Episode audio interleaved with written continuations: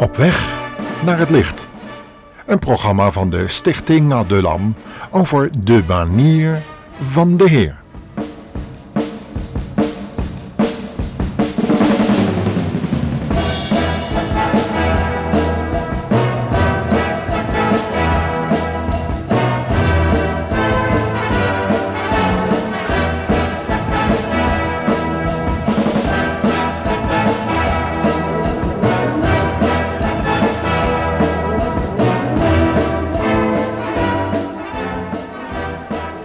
Soms heb je de indruk dat de geschiedenis die God bezig is te schrijven, plotseling alles te maken heeft met de eilanden in de Caribische Zee.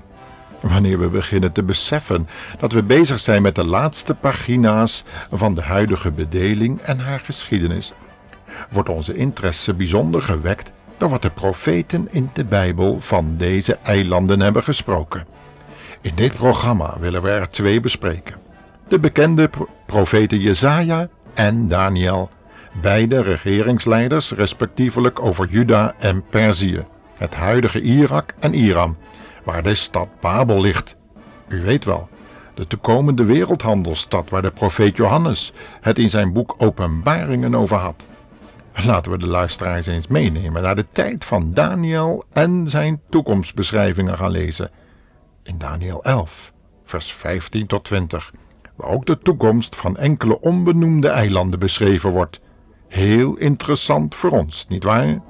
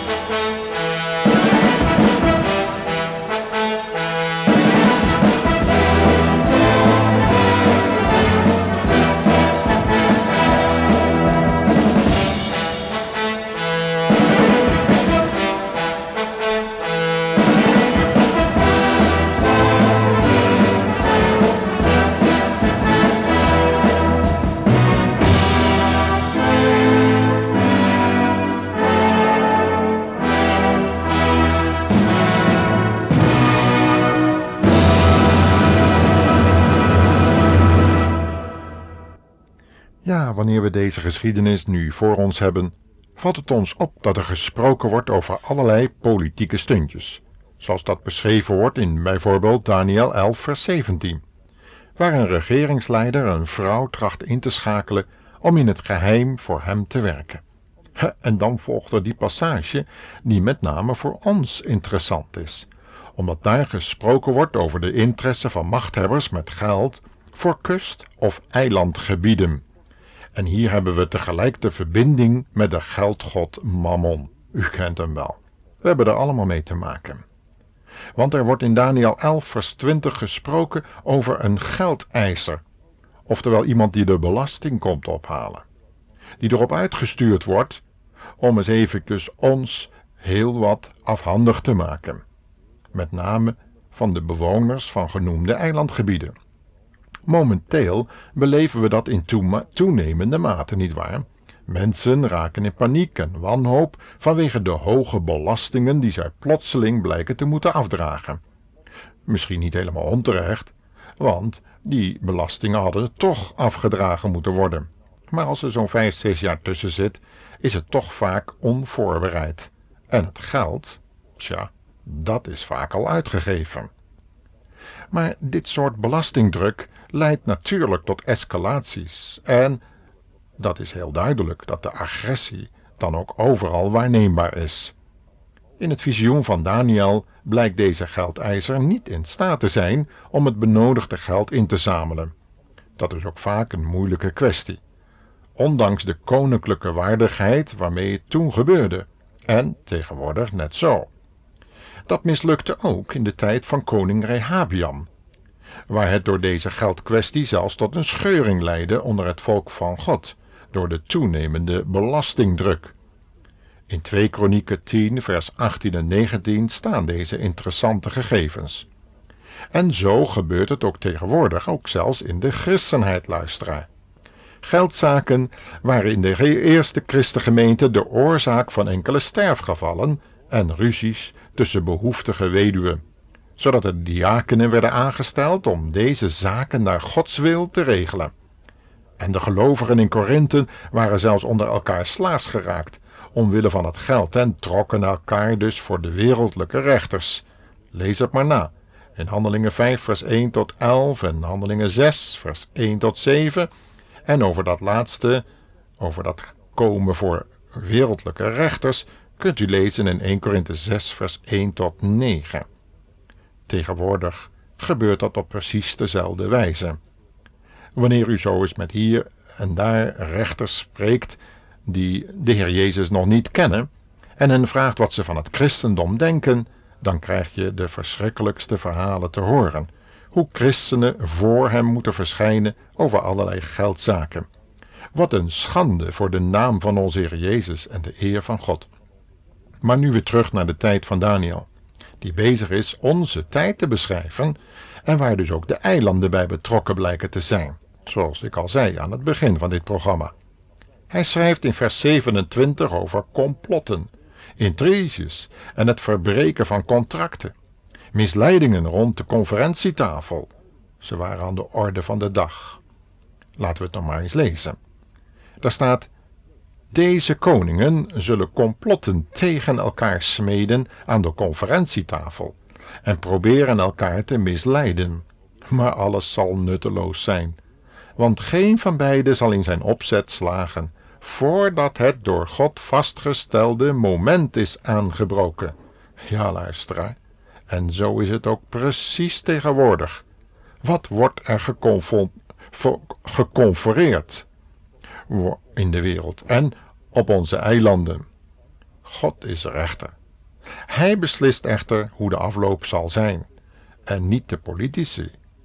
Zo staat het in de psalmen, en zo zal het gebeuren. Wat een rust voor de gelovige luisteraar. Behoort u tot die categorie mensen, luisteraars, die de Heer Jezus hebben aangenomen?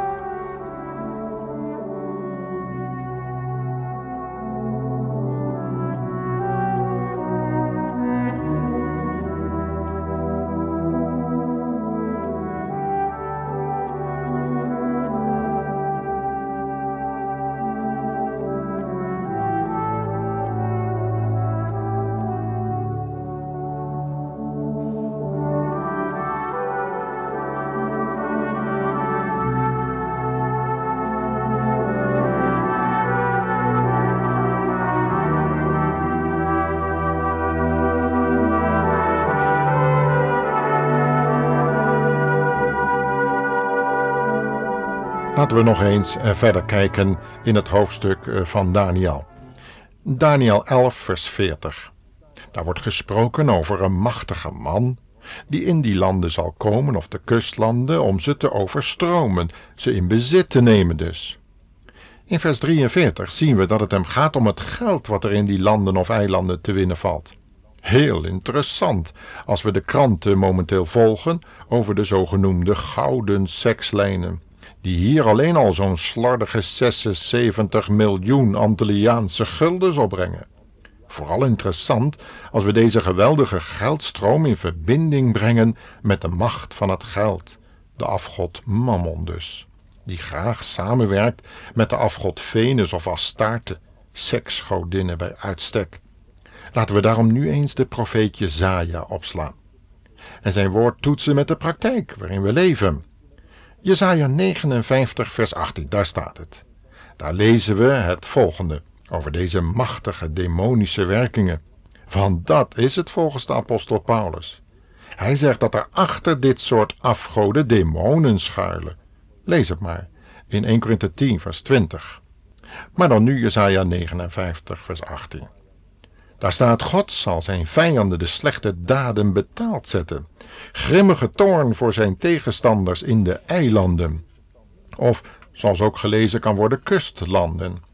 En dan lezen we met name in de Oude Statenvertaling: Als de vijand zal komen als een stroom, zal de Heere de banier tegen hem oprichten.